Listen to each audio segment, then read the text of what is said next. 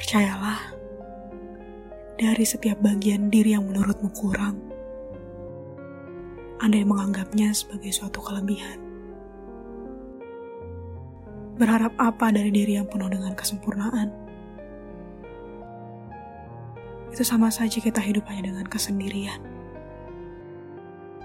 Kekurangan adalah bagian kosong yang sengaja Tuhan berikan untuk sebuah kedatangan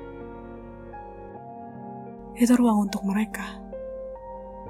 Ruang untuk berbagi. Ruang untuk menemani. Serta ruang untuk saling mengasihi.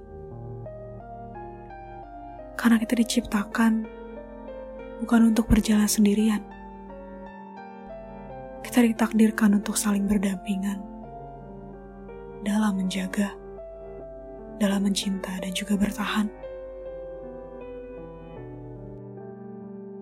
Sudah, tinggalkan semua takut.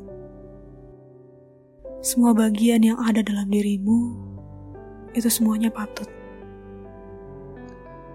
Sekarang, waktunya beranjak. Tinggalkan semua yang dapat membuatmu stuck. Temukan bahagia. Temukan yang dapat mencinta.